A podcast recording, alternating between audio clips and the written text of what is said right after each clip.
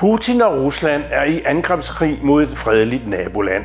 Verden forandrer sig, EU tvinges til at følge med. I vores nye tv-serie med danske EU-toppolitikere i portrætsamtaler ser vi på, hvordan EU håndterer Ukrainekrigens voldsomme bivirkninger. Det gælder inflation, arbejdsløshed, rentestigninger, uro på boligmarkedet, dyre byggepriser, udgiftsstigninger til forsvaret, grænsepolitikken, flygtningepolitikken og EU's ambitiøse mål for omstilling til grøn energi, bæredygtighed og forbedring af vores klima og miljø. Velkommen til.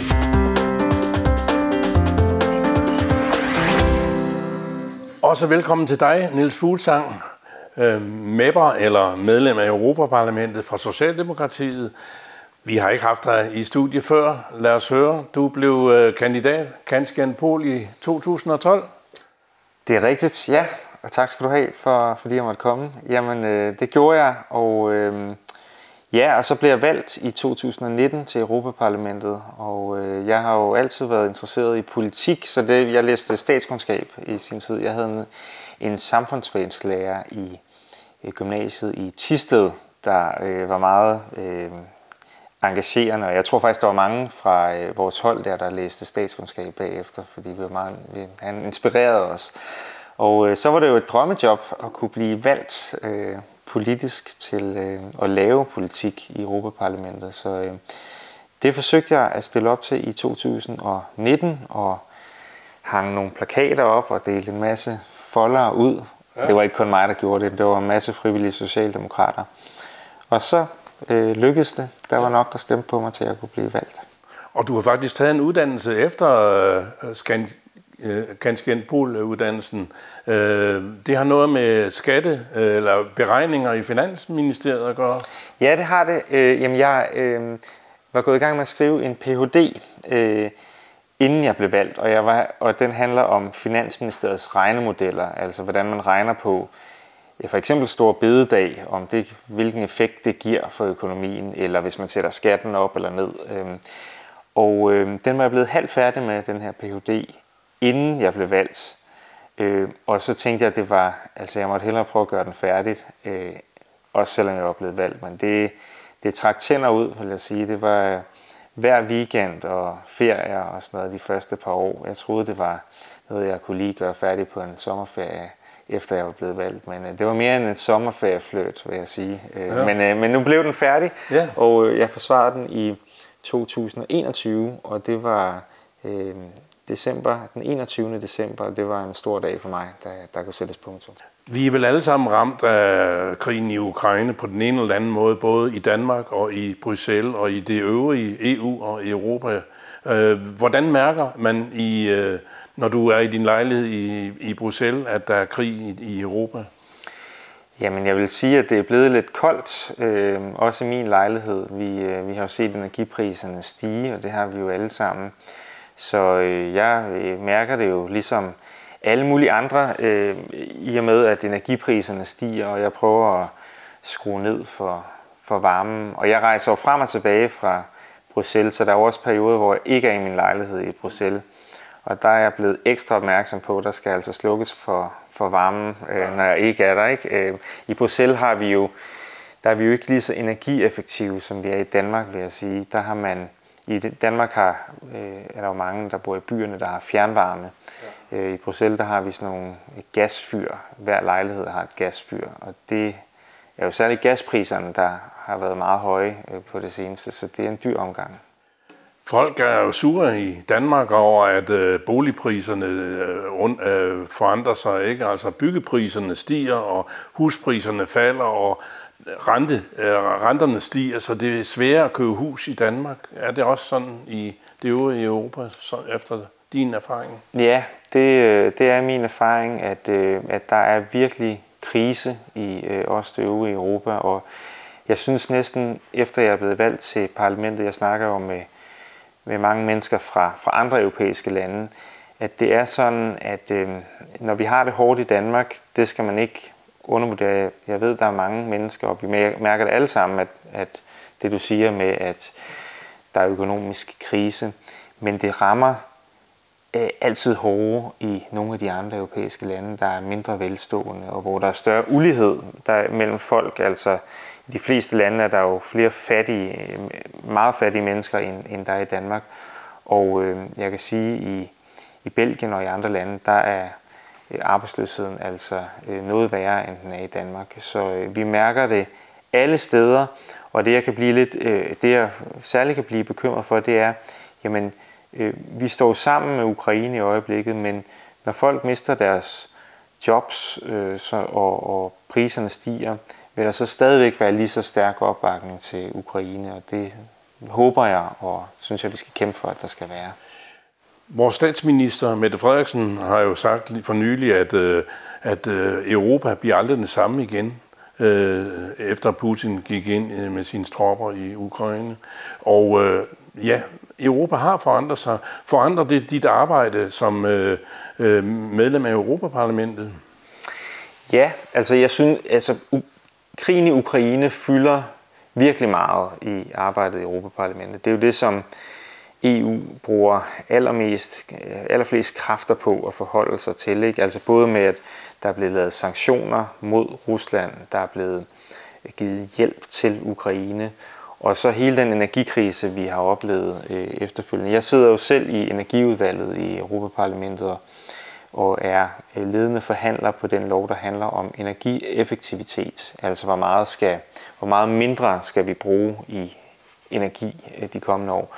Og det arbejde, det synes jeg jo hele tiden har været vigtigt. Det handler om klima, at vi skal gøre noget godt for klimaet. Men efter krigen i Ukraine, der er alle jo blevet opmærksom på, at øh, energieffektivitet og det, at vi kan spare på energien, det er helt vigtigt.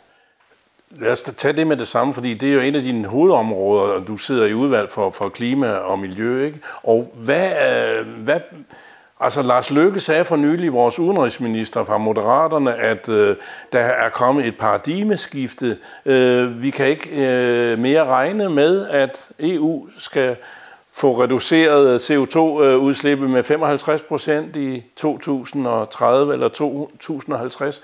Skal vi sænke vores ambitionsniveau på klima- og energiområdet? Det synes jeg ikke, vi skal. Jeg synes øh, faktisk, vi skal øge ambitionsniveauet, og jeg synes også, det er det, der bliver lagt op til, fordi øh, vi har jo nogle... Øh, vi forhandler noget lovgivning om, hvor meget vedvarende energi skal EU-landene have, og hvor energieffektive skal de være. Og den lovgivning er jo blevet endnu mere vigtig. Jeg, jeg mener, hvis vi vil af med Putins gas, og det vil vi, øh, ja, så bliver vi nødt til at have noget mere energi selv, og i øvrigt også spare på energien. Øh, og det er, går hånd i hånd med klimaudfordringen for mig at se. Så, så jeg synes, der er grund til at sige, at, at krigen i Ukraine, Putins krig, den har givet os et ekstra argument for, hvorfor det er vigtigt at få noget mere grøn energi, i stedet for Putins øh, gas og olie. Og alligevel samtidig med, at øh, vi sidder og snakker om det mere grøn energi, så er der kulminer, der overvejes genåbne i Tyskland og Polen, ikke? Og, øh, og vi snakker selv i Danmark om muligheden for alligevel at indføre øh, atomkraftværker, øh, fordi øh, renere energi, grønnere energi, ikke? Øh, men med større risici for, for, for katastrofer, som vi har set i Japan og Tjernobyl osv. Hvad er din holdning egentlig til, til øh, de alternative øh, idéer, der kommer frem?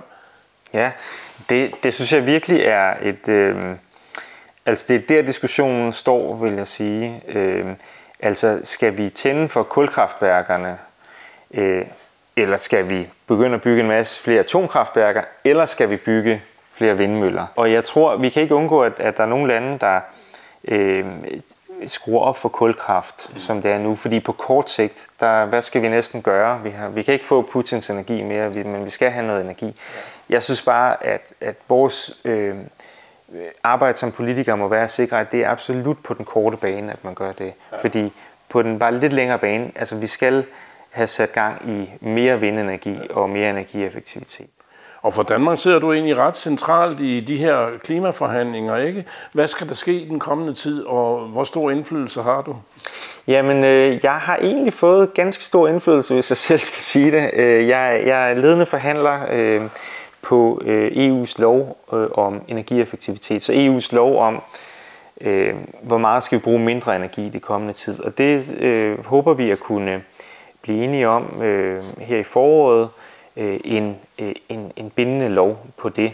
Og det er jo øh, altså en, en stor del af svaret faktisk på, hvordan vi kan blive uafhængige af Putin, men også blive uafhængige af Katar og andre øh, lande, som vi importerer øh, gas og olie fra i dag.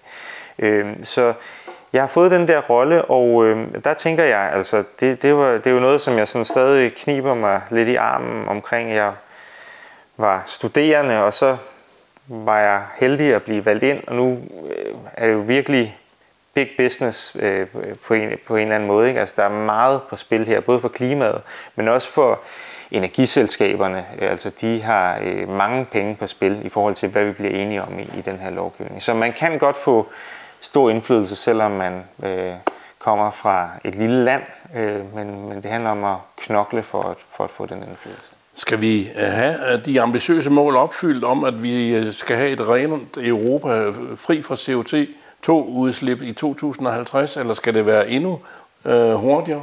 Jeg synes faktisk, det skulle være endnu hurtigere, og det er også noget af det, jeg gerne vil have, at vi Socialdemokrater, mit eget parti, sætter på dagsordenen, også i forbindelse med det kommende valg, at øh, det skal jo ske i 2050, men vi Øh, det skal ske for verden i 2050, men vi er den rige del af verden i EU og USA for den sags skyld. Så jeg synes, vi skal gå foran og gøre det endnu hurtigere. Det vil være godt. Jeg tror, vi, øh, vi venter spændt på, hvad der sker på øh, klima- og energiområdet, og, og så øh, kan vi måske tage et, et sideordnet problem. Altså, der kommer flere øh, flygtninge og asylsøgere af gode grunde fra, fra øh, øh, Ukraine for eksempel, ikke? Men øh, EU er bekymret, og det skal man vel også være, fordi holdningen er ikke ens til grænsekontrol øh, i EU. Hvad siger du til, til en fremtidig øh, flygtninge asylpolitik? Skal vi følge Mette Frederiksen, din partiformand og stats, vores statsministers idé om, at der skal være øh, eksterne øh, lejre, hvor man opsamler øh, asylansøgere øh, øh og flygtninge uden for EU? Er det det, vi skal gå efter? Det synes jeg, vi skal gå efter. Øh, og det er et spørgsmål om, synes jeg, at der er grænser for, øh, hvor mange vi kan håndtere i EU. Jeg synes desværre, når man ser rundt omkring i de europæiske lande, så er der mange, der har taget så mange flygtninge og migranter, at de har svært ved at håndtere det. De kan ikke få integreret de mennesker i vores samfund. Det er ikke nødvendigvis vores eller deres skyld.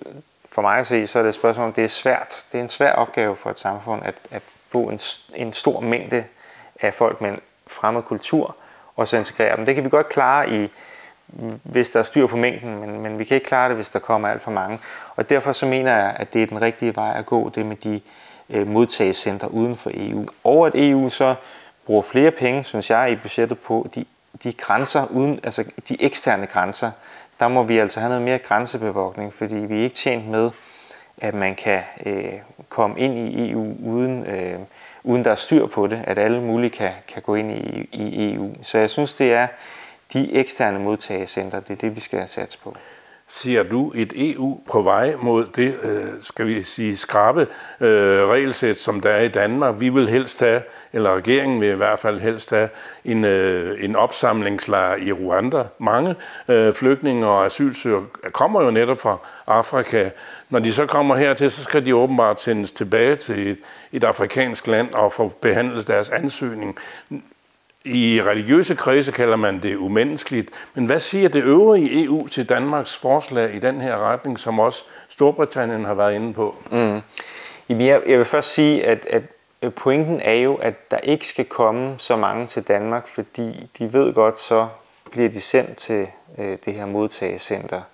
Øh, så der er ikke nogen grund til altså at tage... en, en skræmmepolitik, kan man sige. Man kan sige, at, at det, det er en politik, hvor vi siger, at vi, vi vil altså selv have styr på, hvem der kommer til, øh, til Danmark. Øh, og derfor tror jeg også, der vil komme færre, fordi øh, man kan ikke bare komme ind og få behandlet sin asylsag i Danmark, men det vil så være i Rwanda, det foregår. Øh, det er klart, det er et emne, som der er enormt, meget, øh, enormt kontroversielt og meget diskussion om i EU. Men jeg har noteret mig, at den konservative gruppe i parlamentet, den det er jo faktisk den største gruppe, Socialdemokraterne er den næststørste gruppe, de har nu sagt, at øh, de sådan set bakker op om, om sådan en, en øh, model med modtagscentre uden for EU. Og øh, det er egentlig et stort skridt, og det for mig at se viser det, at der er noget skred i den her diskussion. At der er en stigende opbakning, tror jeg, man vil se til det forslag, som den danske regering har. Okay. Skal vi kigge lidt på, øh, på øh, de andre udvalg, du er i? Du har også øh, været, eller du er i udvalg for, for øh, at undersøge skattely og, skal vi sige, ja, snyd mod de øh, øh, forskellige stater i EU med, med, med midler. Hvor, hvor langt er I kommet i det arbejde, og kan vi se en fremtid? Vi skal i hvert fald bruge penge til mange andre ting i EU, så kan man få øh, stoppet skattesnyderiet og skattelyet i Europa? Ja, det, øh, vi, vi, vi har taget nogle skridt inden for det seneste år, som jeg synes er nogle meget vigtige skridt. Og jeg synes, det er et ekstremt vigtigt emne, fordi vi mister så mange milliarder kroner og euro på, at nogle øh, multinationale virksomheder ikke betaler skat, og nogle rige mennesker, som vi kender, øh, for eksempel Shakira, popsangerinden, eller Ronaldo, fodboldspilleren, eller Elton John, øh, bruger øh, forskellige selskabskonstruktioner, og så placerer de deres penge i, i lande, man ikke betaler skat. Nu taler vi om flygtninge og migranter, der skal vi jo bruge, synes jeg, enormt mange penge på, så også at hjælpe dem der i de nærområder. Men hvor, hvor skal pengene komme fra? Vi riget fattes penge, og man afskaffer øh, store bededag og så videre for at få nogle flere penge. Men en måde, man også kunne skaffe nogle penge på, det er jo ved at sige, Apple, de betaler 0,005% skat i Irland. Og når man køber iPhones i Danmark eller Tyskland eller Frankrig, eller et hvilket som helst europæisk land, eller et hvilket som helst afrikansk land for den sags skyld, så ryger en stor del af overskuddet til Irland, hvor de ikke betaler skat. Det er nogle af verdens rigeste mennesker, der, der har den virksomhed. Øh, der må vi have et minimumsniveau af beskatning for Apple, lige meget hvilket land de befinder sig i. Og det er faktisk noget af det, der er, øh, der er blevet aftalt. Ja, og det kan vi så også sige, det er også noget af det, vores tidligere EU-kommissær, og nu øh, viceformand, øh, tror jeg, der hedder Mar- Margrethe Vestager, har været inde på og vil afskaffe de fordele, der er øh, de store multinationale selskaber. Og de arbejde fortsætter. Og det er der jo så også brug for, fordi vi skal for eksempel op på 2% af bruttonationalproduktet til øh, forsvarsudgifter i NATO, og vel også til EU. Skal EU have sin egen her, eller skal vi øh, hælde os helt til NATO, og under omstændigheder, så bliver det vel med meget større udgifter fra øh, det danske budget? Jamen, det bliver med større udgifter, og, øh, og jeg synes jo, det er for, faktisk er fornuftigt, man har øh, sagt, man vil op på de her 2%. Øh, og det er ikke fordi, jeg har haft det sådan lidt svært ved det, ved det selv i virkeligheden. Jeg synes ikke, at oprustningen i sig selv er en god idé. Det ville være bedre, hvis vi kunne leve fredeligt med hinanden, men øh, så god er verden jo, kan vi se, desværre ikke. Og øh, jeg kan godt forstå amerikanerne, øh, der siger, øh, vi bruger altså rigtig mange penge på forsvar, øh, amerikanerne, og hvorfor øh, hjælper Europa ikke til i samme omfang, fordi vi står sammen med dem. Og jeg synes, det er på tide, at vi øh, så kommer op på niveau og siger, okay, vi er fælles om den. Vi er i NATO sammen med amerikanerne, og vi har sådan set forpligtet os i NATO på de 2%. Så må vi også øh, lægge vores penge der, hvor, der, hvor vores øh, tale er, kan man sige. Ikke? Og, men øh, der er et stykke vej op, ikke? Altså meget bekendt er vi øh, ikke i nærheden af 2% øh, procent af produkter her de første kommende år. Nej, der er et stykke vej deroppe, og hvis jeg husker rigtigt, så øh, i det nye regeringsgrundlag, så er det i 2030, man, man kommer op på de 2 procent. Så, øh, så det tager lidt tid, men jeg tror, øh, det må tage øh, lidt år. Altså vi har jo udhullet forsvaret i nogle år, der er blevet skåret ned på forsvaret. Og nu skal vi den anden vej. Øh, og jeg tror, øh, hvis man nu sagde, øh, ved hvad, i næste år, der går vi bare direkte op på 2 procent det tror jeg faktisk er øh, ret svært øh, at gøre på en ansvarlig måde, fordi i en hvilken som helst en, øh, organisation, hvis du bare kaster så mange milliarder ind, øh, man skal finde ud af, hvordan skal vi organisere det, og hvad, hvor skal vi bruge pengene på den mest fornuftige måde, og det tror jeg øh, tager lidt tid. Så jeg synes, det er okay, man, man lige bruger nogle år på at komme derop. Det kan jo godt undre minimand, at man har hjælpepakker, ikke bare i Danmark, men vel over det meste af Europa, mod inflation og øh, bo, stigende boligudgifter og mod øh, stigende energiudgifter, ikke mindst. Er sammenholdet i EU truet, eller kan vi holde sammen på, på både øh, Europaparlamentet og på hele Europa? Altså både og, det, det er et virkelig godt spørgsmål. Jeg synes, at øh, indtil videre har vi vist et godt sammenhold, og jeg synes, vi har vist jo et bedre sammenhold, end Putin havde regnet med. Altså vi stod sammen om at øh, lave øh, sanktioner, vi stod sammen om hjælp til Ukraine, og vi har også lavet en koordinering i EU af de her hjælpepakker. Det gjorde vi også under coronakrisen. Men der er jo udfordringer. Øh, et land som Ungarn for eksempel øh, er jo ude inde og blokere, for, forsøgt at blokere for nogle af de her aftaler. Og på, på det her område, på udenrigspolitikken, for eksempel når vi laver sanktioner over for Rusland, så øh, er det sådan, at alle lande skal være enige for at man kan gøre noget. Det er ikke nok med et flertal. Så et enkelt land, Ungarn, kan blokere for det. Og, og det har de gjort. Altså, de har forhalet og prøvet at udvande vores øh, sanktioner. Men øh, indtil videre har vi altså, når det kom til stykket, kun stå sammen om det.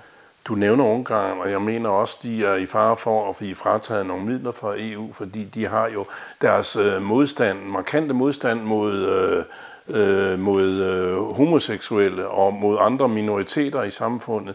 Og ligesom Polen, der er der også problemer med øh, øh abortlovgivning. Problemer, det er, hvordan man ser på det. Men i hvert fald vil de have strammere abortlovgivninger, end vi for eksempel har i Danmark. Ikke? Kan det ikke øh, krakke, få EU-samarbejdet til at krakelere? Jo, det kan det. Og øh, jeg har jo selv sagt, at jeg synes, vi må overveje, om Ungarn overhovedet hører til i EU. Øh, fordi øh, det, der er det, som du siger med øh, homoseksuelle og øh, kvinder, hvis rettigheder bliver undertrykt. Øh, men der er jo også det med, at de simpelthen, øh, Viktor Orbán, deres leder, har fyret en masse dommere og så øh, ansat sine egne dommere. Og i øvrigt i forhold til medier, øh, så har han øh, monopoliseret medierne, sådan at oppositionen de ikke får taletid i fjernsynet. Og nu har man, som du er inde på, øh, sagt, jamen så kan I ikke få alle de støttemidler øh, i Ungarn, som I plejede at få. Og det er han så blevet rasende over, og har troet med, at så vil han blokere for hjælpen til Ukraine. Så der er virkelig øh, problemer, og, de, og jeg synes, det er en stor fare, at det kan øh, risikere at krakelere med Ungarn. Øh, ja, så, så jeg synes, vi, jeg er ikke sikker på, at Ungarn på sigt hører til i, i EU. Niels Fuglsang, vi skal lige nå at snakke dyrevelfærd ganske kort. Du er medlem af et udvalg, som øh, måske ikke har så meget opmærksomhed i Danmark, men hvordan skal dyrevelfærden være i frem, øh, fremadrettet i EU? Jamen, jeg synes, der er to øh, ting, øh, vi, vi bør gøre snarest, og som er på dagsordenen, som kommer som lovforslag i år. Og det er, at det ene, det handler om de her dyretransporter. At øh, i dag der er det tilladt at køre for eksempel svin rundt i dagvis i Europa, øh, fra, den, fra nord, fra Danmark til øh, Italien eller Spanien eller øh, langt ud til Rumænien i Østeuropa. Det kan vi ikke være bekendt, synes jeg, og jeg synes, vi skulle lave en grænse på 8 timer max for de her dyretransporter, og det øh, håber jeg, at vi kan få forhandlet øh, og, og komme i gang med allerede i år. Og det andet, det er det med buerne. Der er simpelthen for mange dyr, der lever hele deres liv i små buer. Øh, der er burhøns, men også kaniner og gæs, og som man også har landbrugsproduktion i, i visse EU-lande, som bliver buret inde. Og der synes jeg, vi skulle sige til hinanden, det må stoppe. Altså det går ikke at bure de der dyr inden hele deres liv. Og det håber jeg også. Øh, der kommer et nyt lovforslag i år, så der kommer til at ske noget på dyrevelfærdsområdet.